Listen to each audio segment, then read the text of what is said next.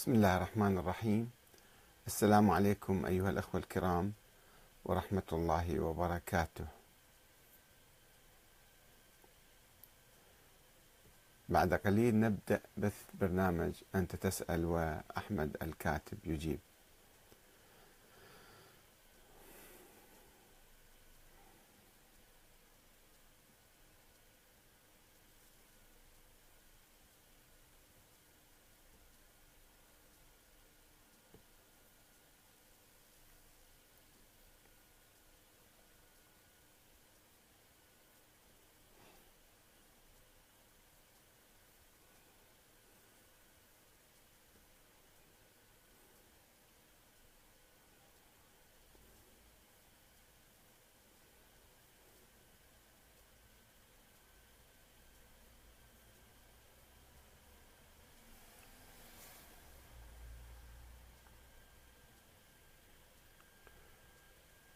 بعد قليل نبدأ بث برنامج أنت تسأل وأحمد الكاتب يجيب.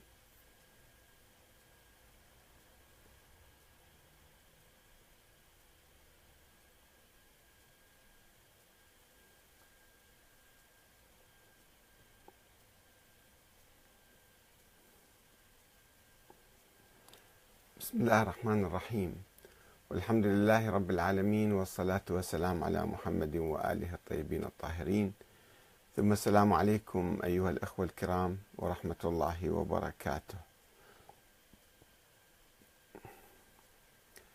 هناك سؤال وجهه لي أحد الأخوة وقال لماذا لا تفتح ملف معاوية ابن أبي سفيان؟ هل تخاف من ذلك؟ هل تخشى على أنصارك وأتباعك؟ أن ينزعجوا مثلا. وطبعا كان كلام فيه شوية يعني هجومي كان. أه سوف نتحدث عن هذا الموضوع والمحاورات التي جرت حول هذه الفكرة أساسا. ولكن قبل أن نبدأ بذلك أه نوجه التحية والتهنئة للشعب الإيراني بممارسة أه دوره في انتخاب الرئيس المقبل وهو تأكيد يعني للمرة الثانية الرئيس الشيخ حسن روحاني. وهذا ثمرة طبعا نضال أكثر من مئة عام الشعب الإيراني آمن بالديمقراطية وآمن بالحرية. شعب عريق حضاري وحر. ومنذ مطلع القرن العشرين وهو يناضل من أجل حريته ومشاركته في الشؤون السياسية.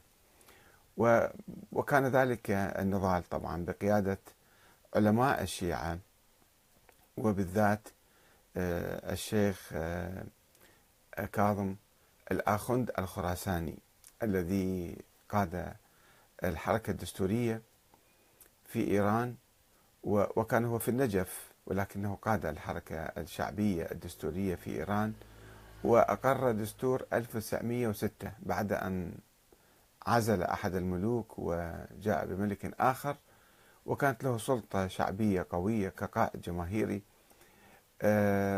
والنضال الإيراني نضال الشعب الإيراني لم ينقطع. استمر في مقاومة الطغيان والظلم والاستعمار والهيمنة الأمريكية إلى أن تفجر